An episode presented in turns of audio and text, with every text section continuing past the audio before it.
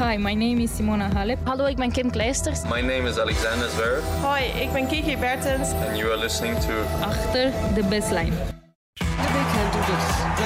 Zou je haast zeggen. Want het is een handelsmerk. Wauw, David Goffin snoept een set-off van de King of Clay van Rafa Nadal. Dit is Achter de Baseline, de tennispodcast van Eurosport. Met Abe Kuil en David Avakian. Op de zevende dag van Roland Garros weer grote verrassingen in het vrouwen-enkelspeltoernooi, David. We hebben veel te bespreken. Er is eh, van alles ook gebeurd in de reacties eh, van de speelsters waar het om gaat vandaag. Naomi Osaka en Serena Williams natuurlijk zijn eh, de twee wereldtoppers die we vandaag zijn kwijtgeraakt. En we gaan beginnen met de nummer 1 van de wereld, David. Zij speelde vandaag tegen Katrina Siniakova. We hadden gisteren in de podcast gezegd, nou, dit is een ideale wedstrijd van, uh, voor Osaka om die moeilijke partijen van aan het begin van het toernooi waarschijnlijk van zich af te schudden. Dit is een type tegenstander dat haar wel ligt. Goede doorgang naar de laatste 16 waarschijnlijk. En toen? Ja, en toen ging het helemaal mis. Althans, aan het begin leek het juist helemaal goed te gaan. Want ze won voor het eerste, haar eerste game. Terwijl ze dus in de eerste twee wedstrijden uh, steeds ja, kansloos de eerste set verloor. Maar ja, uh, Siniakova speelde er heel veel ballen terug wist te brengen ook. Iets wat uh, Osaka aan het einde ook aangaf in haar persconferentie. Uh, wat is haar grote kracht? Ja, het terugbrengen van ballen. En ja, ze verschrikte zich grandioos in Siniakova. Niemand had het aanzien komen. Nee, ik vond wel dat Osaka min of meer van zichzelf verloor vandaag. Want ze maakte echt heel veel fouten. En het is toch apart dat, dat ze die rust niet kon terugvinden. Ook vandaag niet op de baan. Je zou denken, oké, twee keer ontsnapt nu. Dat moet toch een soort bevrijding geven. Sowieso natuurlijk ook gewoon de derde ronde gehaald. Want Roland Garros was altijd al een moeilijk toernooi voor haar. Dus ja, het, was, het zou geen afgang meer zijn geweest als ze vandaag zou hebben verloren in dat opzicht. En, en toch, ze komt maar niet op gang. Ze is het hele toernooi niet op gang gekomen. Nee, zeker niet. In de eerste twee wedstrijden kwam ze dan nog door op basis van haar ja, haar aura misschien. Hè? Want ze had natuurlijk de voorgaande twee Grand Slams gewonnen. Uh, als je het puur in, in, in, maanden uitdrukt, was ze elf maanden ongeslagen op Grand Slam niveau. Ja, maar goed, ze speelde gewoon niet goed. Dat hebben we in al die drie de wedstrijden gezien. En ja, dan toch in combinatie met, met het greffel misschien... is het allemaal niet goed genoeg om, om, om zich door die wedstrijden heen te slaan. En ja... Uh, Weet je, ze nee, terwijl, ze, terwijl ze in, in die vorige persconferentie ook iets zei van volgens mij van als het spannend wordt dan weet ik, ik kan vertrouwen op het feit dat ik dan ja, weet van mezelf dat ik dan de grote punten kan maken en zo. Dus daar, daar sprak ze dan toch wel als een, als een kampioen in dat opzicht. Maar ook dat lukte dus vandaag gewoon niet. Ook niet toen ze toch wel breekkansen had in de openingsset. Uh, zeven breekkansen volgens mij in set 1 alleen al. Allemaal gingen die verloren. Dus de big points ging het ook mis op vandaag. Zeker, zeker. En ik vind het leuk dat je die onoverwinnelijkheid noemt. Uh, daar heeft ze ook wat over gezegd zelf. Na afloop, er werd gevraagd van, uh, ja, was dat een beetje weg, hè? Toen, moest ze hard nadenken van, ja, ik, uh, onoverwinnelijkheid, dat is eigenlijk, waar kan ik dat op baseren, hè? Dus ze begint dan altijd na te denken, dan neemt ze even de tijd om antwoord te geven. En ja, daar, kon ze eigenlijk niet veel mee met die onoverwinnelijkheid, ook al had ze dus zo'n goede, goede reeks op Grand Slams neergezet. Maar ik, ik, denk dat het wel even de moeite waard is om wat dieper in die persconferentie te duiken ook. Ik, ik vroeg ten eerste aan haar, um, ja, wat is Nou, het? inderdaad, ja, even wachten, want dit wil ik even wat leuker aankondigen. Want oh. uh, jij had inderdaad je eigen momentje met, uh, met Naomi Osaka. En dat, dat ging een beetje mis, hè? Dat, een vraag van jou werd niet helemaal goed begrepen. Nee, nee. ik vroeg haar naar wat, wat haar, ja, het niveau van haar teleurstelling is. Dus in het Engels was het dan, what's the level of your disappointment? En volgens mij was het vrij duidelijk. De microfoon haperde, hoor, moet ik erbij vermelden. Maar volgens mij was het best duidelijk. En toen zei ze, uh, wat, wat, bedoel je precies? Bedoel je van 1 tot 10? Of uh, hoe moet ik, dat, moet ik dat rangschikken? En toen herhaalde ik mijn vraag maar, wat, wat is het niveau van je, van, je teleurstelling? En toen zei ze, nou als het van 1 tot 10 is, dan kies ik voor 100. Nou, dat was maar daar, daar stond het niet bij. Nee, het ging toen dus, dus verder. De, de persconferentie die, die ging voort. En op een gegeven moment stelde iemand anders een vraag.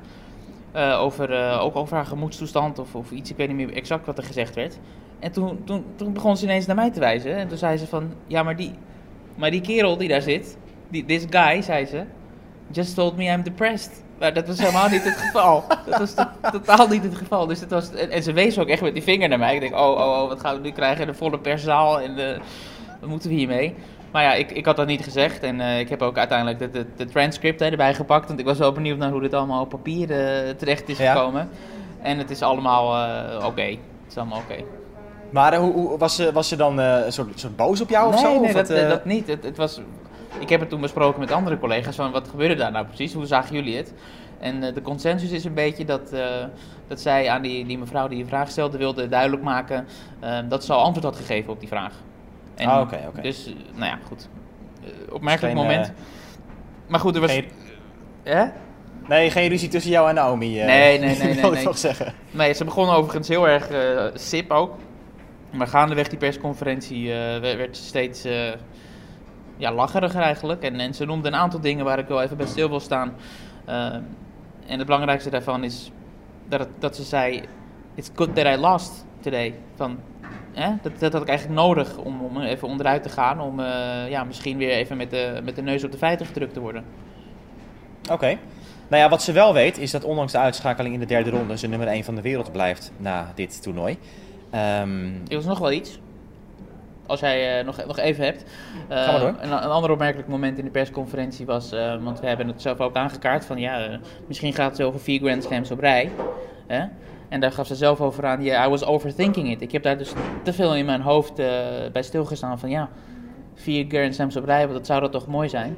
En daar voegde ze nog aan toe, eh, ja, als het zo makkelijk was geweest, dan hadden wel meerdere mensen het gedaan natuurlijk. Dus ik begrijp nu heel goed dat dit niet zomaar, eh, zomaar kan, zoiets. ik vind het wel bizar dat ze daar eigenlijk nu al mee, mee bezig is. Ze heeft nu twee Grand Slams op rij gewonnen. Haar eerste twee Grand Slams überhaupt in haar carrière. Ja. En dat ze dus wel echt, echt al zo denkt van oké, dan gaan we voor, eh, voor vier op rij maar in één keer ook. Ja, nou, het tekent haar ambitie. Ja, en dat is dus misschien toch ook wel een reden waarom ze dan eh, met die zenuwen heeft, eh, heeft gespeeld in dat opzicht. Is, is daar nog iets gezegd over verder? Of, of werd die link niet gelegd tussen die gedachtes en de zenuwen op de baan dit toernooi? Nou, het allerbelangrijkste wat ze ook een aantal keer herhaalde was dat ze zich gewoon heel erg moe voelde. Ze was gewoon moe, zei ze. En dat, ehm, ja goed, dat, dat houden we het daar maar bij. Apart. Ja, Ze heeft toch niet zo heel veel gespeeld tijdens het nee, nee, nee. Ze noemde het wel haar, haar meest succesvolle greffelseizoen ooit. Maar ja, goed, dat was ook niet zo moeilijk.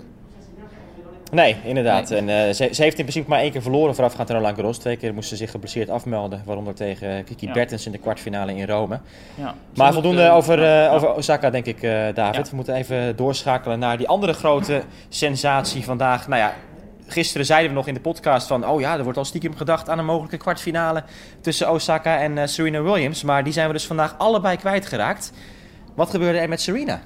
Ja, Serena speelde op centercourt tegen Sonja Kenin. Een jonge Amerikaanse eh, met een Russische achtergrond. Ja, Ja. Sofia Kenin, hè, heet ze officieel. Sofia maar ze, Kenin, ze, ja. ze Ja. noemt zichzelf graag Sonja. Het, het, eh, ja, misschien is dat een verhaal voor een andere keer. Of kan je dat even heel kort... Nee, kort nou ja, wat, wat, ik- wat ik liever even bij. Ik, ik kom net uit de persconferentie lopen. En dat was, dat, dat was eh, spektakel. Want de adre- adrenaline gierde nog door haar lijf. En ze, ja, als ze eenmaal begon te praten, dat was als een sneltrein. Werd ook een Over vraag, Kenin heb je het nu, hè? Over Kenin heb ik het. En er werd ook een vraag gesteld aan Kenin. eh, eh, praat je altijd zo snel? Dat was echt een van de vragen uit de persconferentie. Ja, dat, waanzinnig knappe prestatie van haar tegen Serena Williams. Ja, wat deed ze? ze? Ze haalde eigenlijk zoveel mogelijk ballen terug en, en ging er ook voor. Ze veerde ook goed. Eh, maar profiteerde toch ook wel van een, eh, een vrij matige Serena.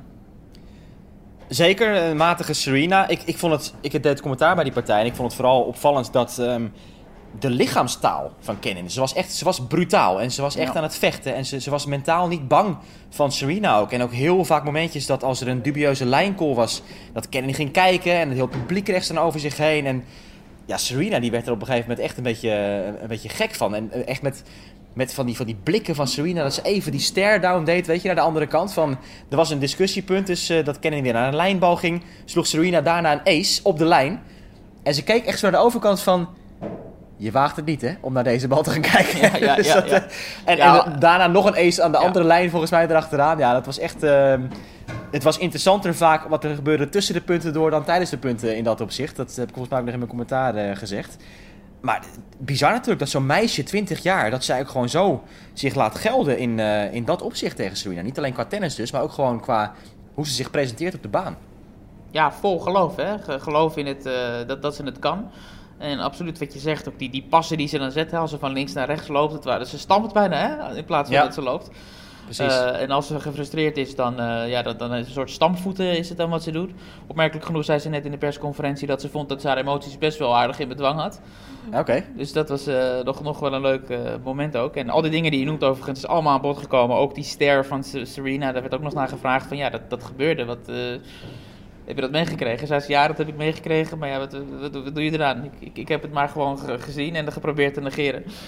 Dus eh, ja, het, was een, eh, een, een pittig potje, maar we hebben de stand nog niet eens genoemd. Het was gewoon 6-2-7-5.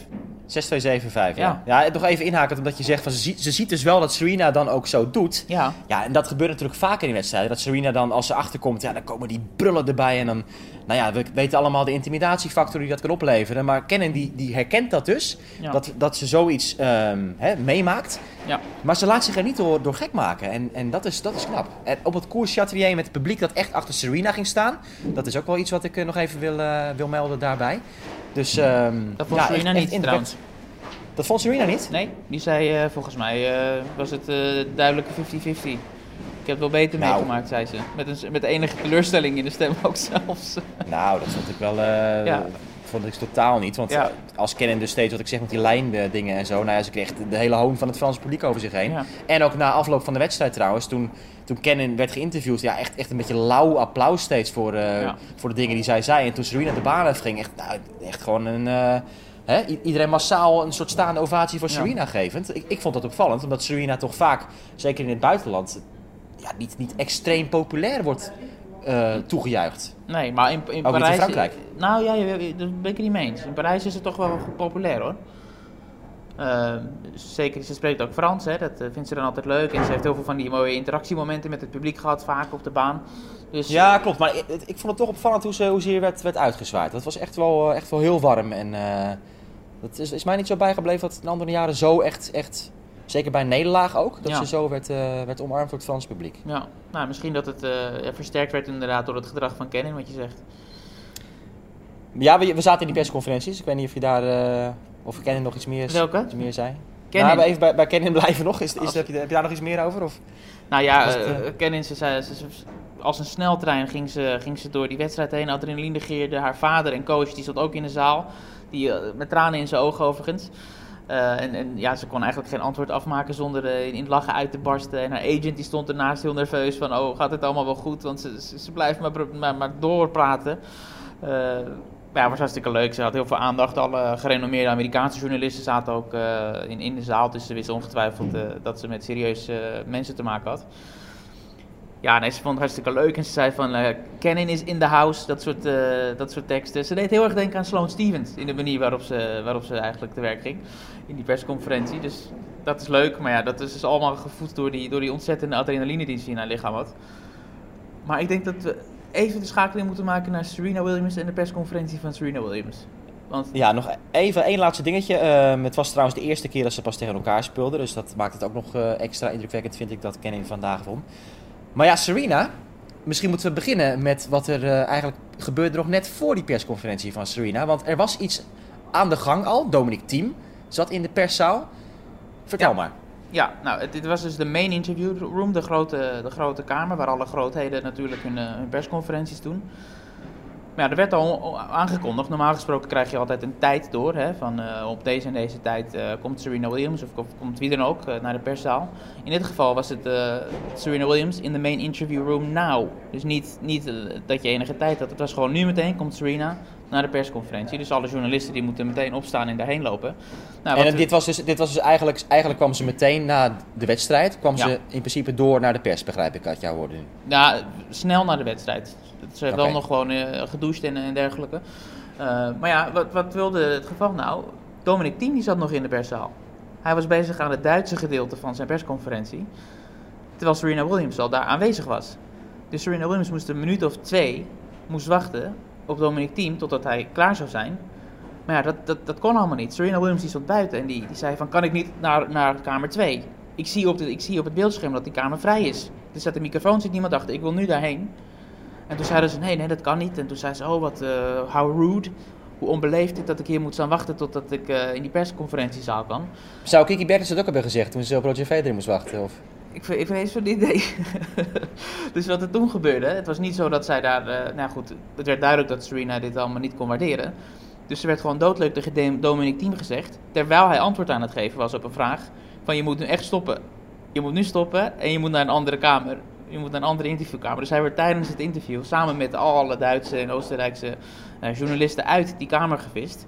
En verhuisd naar een andere kamer. En daar was Dominic Thiem op zijn beurt weer niet van eh, onder de indruk. En hij zei, ja, ik, ik ben geen uh, juniorenspeler meer. Wat is dit nou, dat ik zomaar uit zo'n kamer geplukt word en wordt verhuisd? En toen heeft hij het dus niet gedaan. Hij is gewoon weggelopen.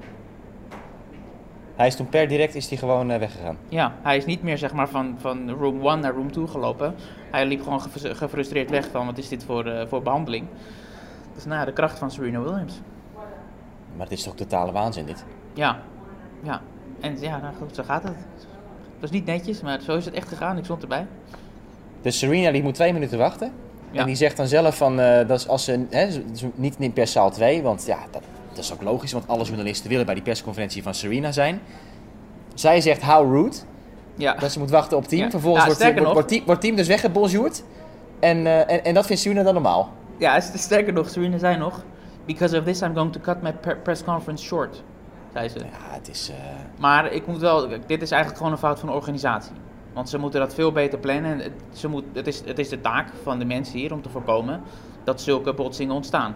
Hè? En nee, maar goed, maar uit jouw verhaal, jij zegt dus het team was keurig, was een, was een tijdsblok het team weggezet. Weg, Hij zit daar. En opeens is het dus Serena Williams, die waarschijnlijk dus achter de schermen heeft bepaald van... jongens, ik ga nu naar de perszaal.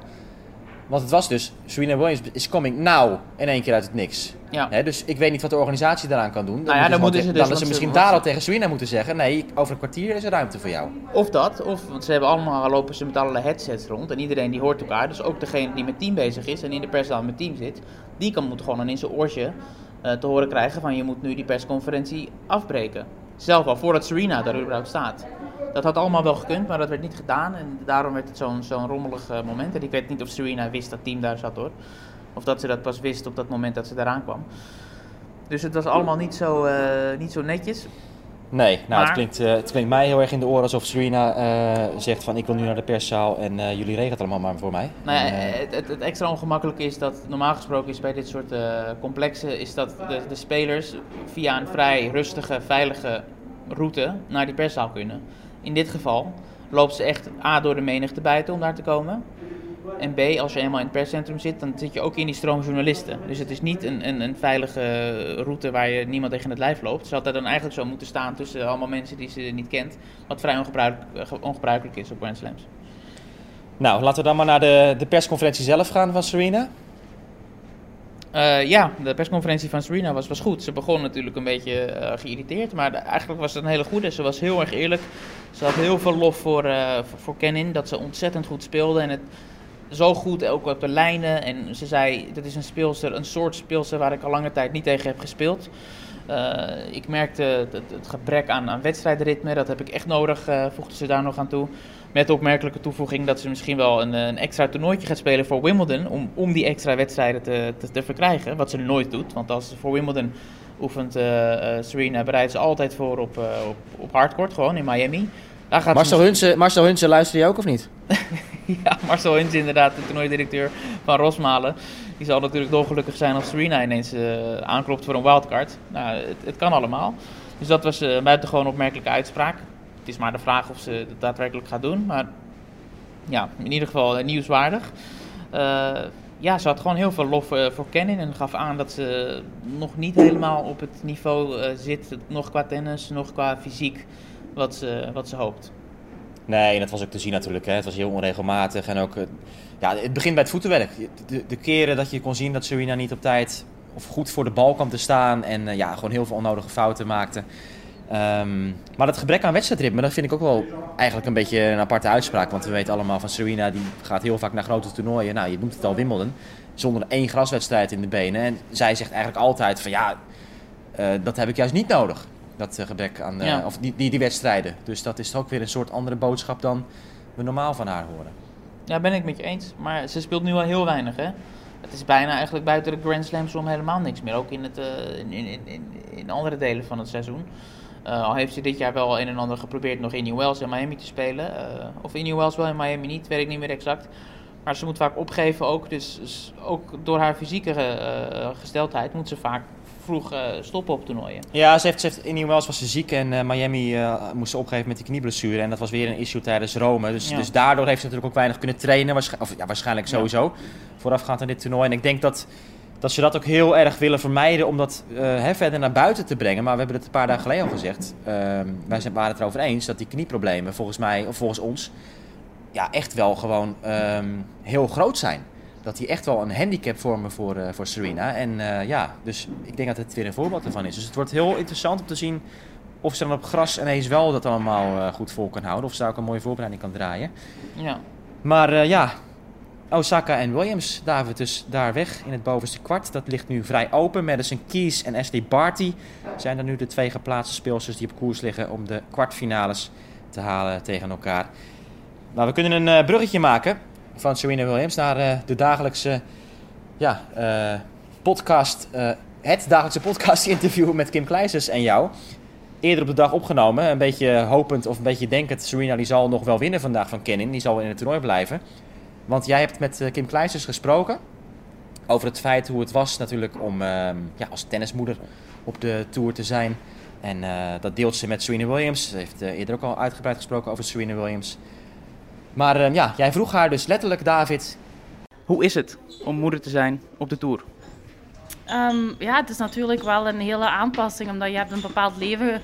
ehm, ja, je hebt bepaalde gewoontes al van op het circuit te leven zonder kind eh, bij, aan de zijde. En dan, eh, ja, dan in één keer begin je te reizen met nog een, een klein babytje. En moet er toch ja, wat, extra, wat extra mensen meekomen om, om bepaalde momenten van de dag te kunnen opvangen, om in te vullen.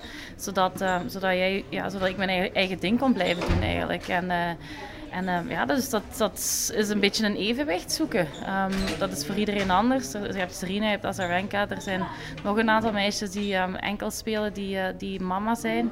Ehm, en het is, ja, iedereen heeft zo zijn eigen gewoontes. Je ziet dat al. Bij Serena zijn er vooral familieleden die ehm, er zich ehm, om, om hun dochtertje... ehm, ja, die daarom bekommeren eigenlijk. Eh, Bij mij hadden wij, wij reizen met een nanny eh, die, dat, die dat overal meeging op toernooi. Zodat als ik moest gaan trainen of eh, ja, zoals, als ik wedstrijd had, dat ook mijn man of zo mij kon, ko- voor mij kon komen supporteren. Maar ja, dus dat is, iedereen moet daar een beetje zijn eigen gewoonte in en zijn eigen goed gevoel bij, bij vinden. En, ehm, maar het, is, het verandert natuurlijk wel heel veel. Hè. Ik heb ook heel vaak schuldgevoelens gehad, eh, omdat bijvoorbeeld ja, mijn dochtertje was ziek was en ik moest dan toch nog een wedstrijd gaan spelen. Of terwijl dat er dan van binnen niks liever zegt van ik wil daarbij blijven, ik wil daarvoor zorgen. En dan is het soms wel ja, moeilijk om die klik te maken of, of moet je ja, die klik maken in je hoofd om te zeggen van oké, kijk, dit is nu ja, werk. Ik ben hier om als atleet, als topsporter en dan moet ik dat, die, ja, die keuze is soms wel wat moeilijk, maar, ehm, maar eh, het, is, eh, het lukt allemaal. Dus het, het lo- loopt allemaal goed af. Veel keuzes moet je maken, veel beslissingen moet je nemen. Wat kon je niet meer doen op het moment dat je ja, een kind had? Goh, wat ik heel vaak niet heb kunnen doen, dat is eigenlijk uitstapjes doen met Sheda en met mijn man. Toen dat zij eh, bijvoorbeeld op, zelfs op een van mijn vrije dagen of ehm, ja, gewoon een periode dat ik het wat rustiger had tijdens een toernooi, dan gingen zij bijvoorbeeld naar de dierentuin of gingen zij naar het strand of gingen zij naar een kindertoneel of maakt niet uit wat, zo'n dingen doen. En dan was dat wel moeilijk soms om te zeggen van ja kijk, het heeft voor mij nu geen nut om bijvoorbeeld in Australië in die warmte te gaan rondwandelen, ehm, omdat ik morgen een wedstrijd heb. En dat was soms wel heel moeilijk om, om die dingen dan niet met hun te kunnen delen. Je noemde de uitbreiding van het team, je moest nannies meenemen, je moest allerlei zaken regelen. Is het dan zo dat er door de toernooien niks wordt geregeld voor ehm, moeders op de Tour? Dat is eigenlijk wel heel grappig, want op het ATP-circuit, op het mannencircuit, daar wordt er, wel, wordt er wel eigenlijk heel vaak een crash voorzien. Of een, ja, een opvang voor de kinderen, maar op het vrouwencircuit eigenlijk niet. En, ehm, en we hebben daar al interne gesprekken over gehad. Ze zeggen dat het blijkbaar heel moeilijk is omwille van de, de verzekeringskosten, dat dat heel hoog oploopt. Ehm, dus ik denk dat iedereen op een bepaalde manier wel genoodzaakt is om op zijn eigen manier ervoor te zorgen dat, dat er opvang eh, voorzien wordt. En, ehm, ja, dus ik denk bij Serena is het de mama, de, de, man, de zussen die vaak, vaak inspringen. Ehm, en ehm, ja, dus het is, ja, ieder op zijn manier moet het, moet het zoeken. Maar ja, het is op de toernooien wel, dus op de Grand Slams wordt er, is er wel opvang voorzien. En kunnen de speelsters of de spelers of de, de spelervrouwen, die kunnen dan natuurlijk hun kinderen daar voor een paar uurtjes eventjes achterlaten. Azarenka is iemand die daar heel erg mee bezig is en probeert daar allerlei ja, vooruitgang in te boeken. Je noemde haar naam al, je noemde ook Serena Williams. Heb je contact met hen gehad? Nee, eigenlijk niet. Uh, ik heb van hun, uh, of ik heb met hun in die periode nooit eigenlijk contact gehad met Azarenka, wel eventjes kort. Um, maar, um, maar ja, ik heb toen, toen dat ik terug begon, had ik natuurlijk, ik had heel veel vragen, ook omdat ik ook niet wist, ja, hoe, is het om op het circuit te tennissen? Wat mag van de WTA? Wat, wat is moeilijk? Um, dus ik heb toen wel een aantal telefoontjes met Lindsay Davenport um, gehad. En uh, dat was heel leuk om over te babbelen. En, en, en um, heeft altijd wel ja, heel open geweest over de, de goede dingen, de negatieve dingen. En, en dat heeft me ook wel heel veel geholpen in een bepaalde beslissing die dat ik genomen heb. Vooraleer dat ik begon om uh, aan terug aan het circuit. Als je advies zou moeten geven aan de speelsters van nu, geen enkel probleem om met een kind op de tour te reizen? Nee, geen probleem, denk ik. Um, ik denk dat iedereen het voor zich weer moet uitmaken. En um, voor de ene, ja, het is gewoon hoe dat je er zelf tegenover staat. Je moet natuurlijk wel op een bepaalde manier een beetje um, ja, aanvaarden dat het niet allemaal kan lopen gelijk dat je het zou willen lopen. ik heb heel vaak ook eens met Jada ergens in, uh, in een ziekenhuis of, of eens bij een dokter gezeten dat je denkt van, oh, had ik nu maar onze, onze huisdokter uh, aanwezig. Maar, maar dat gebeurt niet eenmaal. En je wordt wel wat gemakkelijker, denk ik. Je, je jaagt je minder af op aan, aan de kleinere dingen, omdat je ja, de controle ook heel vaak niet hebt. En, um, maar, um, maar advies geven, ik denk niet dat, uh, dat dat van mij nodig is. Ik denk dat ze goed omringd zijn met de mensen uh, rondom hen. Kim Kleisters, en het ging dus over het moederschap. David, wat kunnen we daar nog uh, verder over vertellen? Ik weet het niet. Ik heb er geen ervaring mee. nee, ja, nou, goed. Uh, ik, ja, mooi, mooi, mooi, mooi verhaal over haarzelf en uh, de vergelijking inderdaad met, met Serena en met Azarenka in, in, in, mindere mate. Ja, goed, het is hartstikke bijzonder en het is leuk om te zien hoe Serena hier verder mee om zal gaan en of, of, of zij misschien op een later moment nog, nog daar andere uitspraken over gaat doen. Maar het is wel een onderwerp dat natuurlijk heel veel wordt besproken nu, gezien het feit dat Serena een kindje heeft gekregen. Ja, ik vond het. Uh, misschien ergens had ik wel verwacht dat Kim ook met Serena wel een beetje contact gehad zou uh, hebben over, over het onderwerp. Maar dat is dus uh, niet gebeurd. Wel met Azarenka, dat had ik dan misschien minder verwacht. Dat juist die twee wel eventjes wat berichtjes hadden gedeeld daarover. Ja. Maar ze liggen er allebei uit, de tennismoeders. Vika ja. en, en Serena. Dus dat is geen issue meer verder dit toernooi. Andere partijen vandaag in het vrouwentoernooi. David Simone Halep Probleemloos verder, 6-2, 6-1 tegen Lesia Tsurenko. Ashley Barty, de naam is al genoemd, voor makkelijk van Petkovic. Madison Keys, vorige halve finaliste, staat nu toch ook weer uh, gewoon in die vierde ronde tegenover Sinjakova. Wedstrijd uh, waarin zij de favoriete zal zijn. De tieners blijven winnen. Amanda Anisimova en Iga Swiatek. Er zijn nu drie teenagers bij de laatste 16. Ook Marketa Vondroshova stond daar al. Die gaat uh, morgen spelen tegen Anastasia Sevastova. En uh, als ik naar de klok kijk, dan moeten we toch maar even snel doorschakelen naar uh, de mannen, denk ik. David. Ja. Alexander Zverev. Ja, gebruikelijke middag weer voor hem hè, in uh, Parijs. Nou ja, we dachten, oh, nu gaat hij eindelijk een keer efficiënt een wedstrijdje winnen. 6-4, 6-2 begon hij mee. Maar toch slaagt hij er dan toch in om tegen Lajovic een vijfzetter te spelen.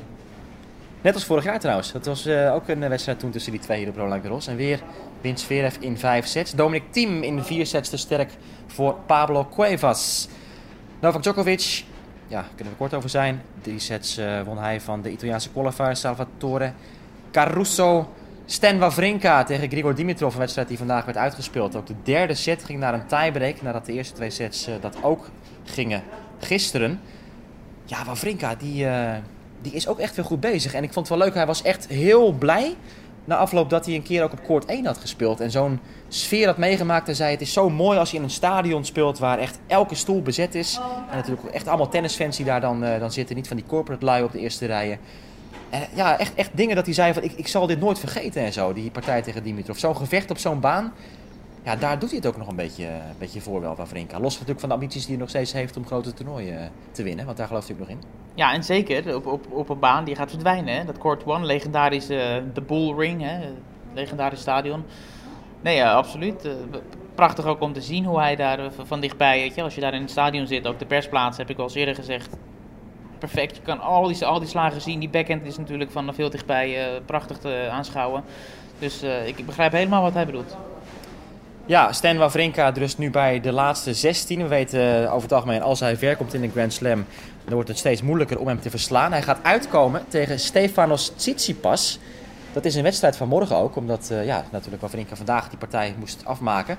Datzelfde gold ook voor Tsitsipas. Hij was ook nog niet klaar met Filip Krajinovic. En dat ging ook maar net goed voor uh, Tsitsipas. Bijna moest hij ook naar een vijfde set. Ja, ja dat was echt geluk. Want uh, Krajinovic die had helemaal het momentum en slaagde er toen toch in om, om, om keer op keer een bal uit te slaan vrijwillig. Waardoor hij het weer... ja, er was totaal geen aanleiding voor. Hij, had het echt in zijn zak. En Tsitsipas die gaf dat ook toe. Van ik had het moment totaal uit handen gegeven. En om een of andere reden wist hij het toch binnen die vier sets te houden. Nou, vrij wonderbaarlijk was dat nog. Ja, want Krajinovic serveerde voor setwinst in die vierde set. En de tiebreak was ook heel erg close. Was er ook nog een setpoint voor de Servier. Het werd 8-6 daarin voor Stefanos uh, Tsitsipas. Maar ja, kijk, uh, de affiches worden natuurlijk alsmaar mooier, uh, David. Nee, absoluut. Tsitsipas Wawrinka is, is, is, is absoluut een, een, lust voor het oog. En als we ook naar de andere affiches kijken, naar aanleiding van de resultaten van vandaag. Een beetje onderin de bovenste helft. Gatjanov tegen Del Potro, tegen zijn idool. Dat is ook wel een, een, een, wedstrijd waar ik in ieder geval zeer naar uitkijk. Gatjanov die uit, het, uit het niets zich weer heeft gemeld. 6-1, 6-4, 6-3 tegen Klijan. En ik moet eigenlijk nog zeggen, je haalt eigenlijk de minste eruit ongeveer van dat deel van het speelschema. Want je hebt daar dus Fornini tegen Zverev. Djokovic tegen Stroef, ja, dat, uh, dat zal meer van hetzelfde zijn waarschijnlijk voor Djokovic. Maar de absolute uitsmijter voor mij, Dominic Thiem tegen Gael Monfils. Ja, en niet, en niet zomaar een Gael Monfils. We hebben het nu over een Gael Monfils die niet zo heel lang al op de baan heeft gestaan. Dus een fitte, frisse Gael Monfils. Nou, dat is ook niet iets wat we vaak zien.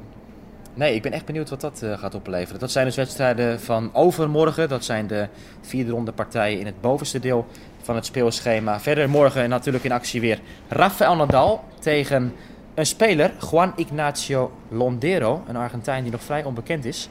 Maar die dus daar uh, heel knap de laatste 16 heeft gehaald. Nishikori tegen Per. Ja, dat kan ook weer van alles en nog wat opleveren, denk ik. En Roger Federer tegen Leonardo Maier. Ja, nee, uh, op zich, uh, ja, die wedstrijd van, uh, van Nadal en een beetje net als Djokovic hè, vandaag, die hebben niet een al te ingewikkelde route gekend. Dus dat is allemaal, valt er wel mee. Maar Federer tegen Leonardo Maier hadden we gisteren al, inderdaad al aangekaart een lastige laatste ontmoeting gehad. kijken we ook meteen naar de vrouwen van morgen of houden we het nog even bij de mannen? Nee, ik, ik, ik wil al een beetje over de order of play van morgen gaan praten. Ja. Want volgens mij heeft de organisatie weer een paar lastige keuzes moeten maken. Uh, Nadal en Federer staan op het centercourt. Tsitsipas Wawrinka op het koers Suzanne Langlen. Daar heb ik echt veel over zitten nadenken. Ik dacht van ja, had je niet gewoon uh, Federer naar Suzanne Langlen moeten zetten en Wawrinka Tsitsipas op het uh, centercourt. Dat is denk ik toch een iets smaakvoller affiche. En Wawrinka ook als oud kampioen verdient hij naar mijn mening ook wel een iets mooiere behandeling. misschien zeker omdat die partij tegen Dimitrov dus ook naar baan 1 nog was gezet. Weer een kleinere baan. Dus dat vind ik wel een beetje jammer voor Wawrinka dat hij niet uh, tegen Tsitsipas op het centercourt staat. Wie zou jij in, terugzetten naar Langlen in plaats van die wedstrijd? Federer Maier. En Nadal tegen een uh, Juan Ignacio Londero zou je lekker laten staan. Terwijl Federer ook zijn vorige wedstrijd al op Suzanne Langlen heeft gespeeld. Ja, Nadal heeft het toernooi elf keer gewonnen. Dus ik vind dat, uh, ja. dat hier, hierna zullen ze alles op centercourt blijven spelen. Dus dit is gewoon een wedstrijd die, die 6-2, 6-2, 6-2 gaat eindigen. In het beste geval voor Londero. We zullen het zien. Uh, maar Federer en Maier is ook niet echt een, echt een kraker van de bovenste plank, of wel? Nou, ik vind, Fe Federer heeft één keer gewonnen in Parijs. Nadal heeft elf keer gewonnen in Parijs. Dan vind ik dat je in dat geval wel Federer naar Suzanne Langlen mag zetten. Wat zou er op Wimbledon gebeuren als, Nadal, als Federer tegen Londero speelt en uh, Nadal tegen Maier? Dan zou Federer ook op centercourt spelen. Daar ben ik van overtuigd. Ja, dat weet ik niet. Nou ja, goed, dat is uh, niet aan ons. Het is onze taak niet, gelukkig. Uh, Sloane Stevens, Muguruza had je die genoemd? Nee, vrouwen. Gaan we door. Ja. Sloane Stevens, Muguruza als laatste wedstrijd op Chatrier. Ja, prachtig affiche, daar kijk ik zeer naar uit. Uh, de, wedstrijd of de, de dag begint met Kaya Kanepi tegen Martic op Chatrier. Niet echt de, de, meest aansprekende wedstrijd, maar ja, toch die dames... Snap ik ook niet trouwens, dat uh, Van Drosje was Sevastova dan niet op centercourt staat. Sevastova nee. nummer 12 geplaatst, Martic nummer 31. Eens. Nee, nou ja, goed, dus, er zullen ongetwijfeld goede redenen voor zijn. Maar ja, prachtige dag weer. Vekic tegen Conta ook nog. Ook een, uh, een, interessante partij. En het zijn de vierde rondes die dus morgen gaan beginnen. En daarom hebben we nog twee stadions waarop wordt gespeeld. Het wordt allemaal steeds makkelijker te volgen ook. Op die manier natuurlijk. Nou, David, het was weer wat vandaag, hè? Ja, uh, Even bijkomen. Ja, ja, en uh, hebben we nog niet eens genoemd dat Jean-Julien Royer van de Bryan-broeders heeft uh, gewonnen.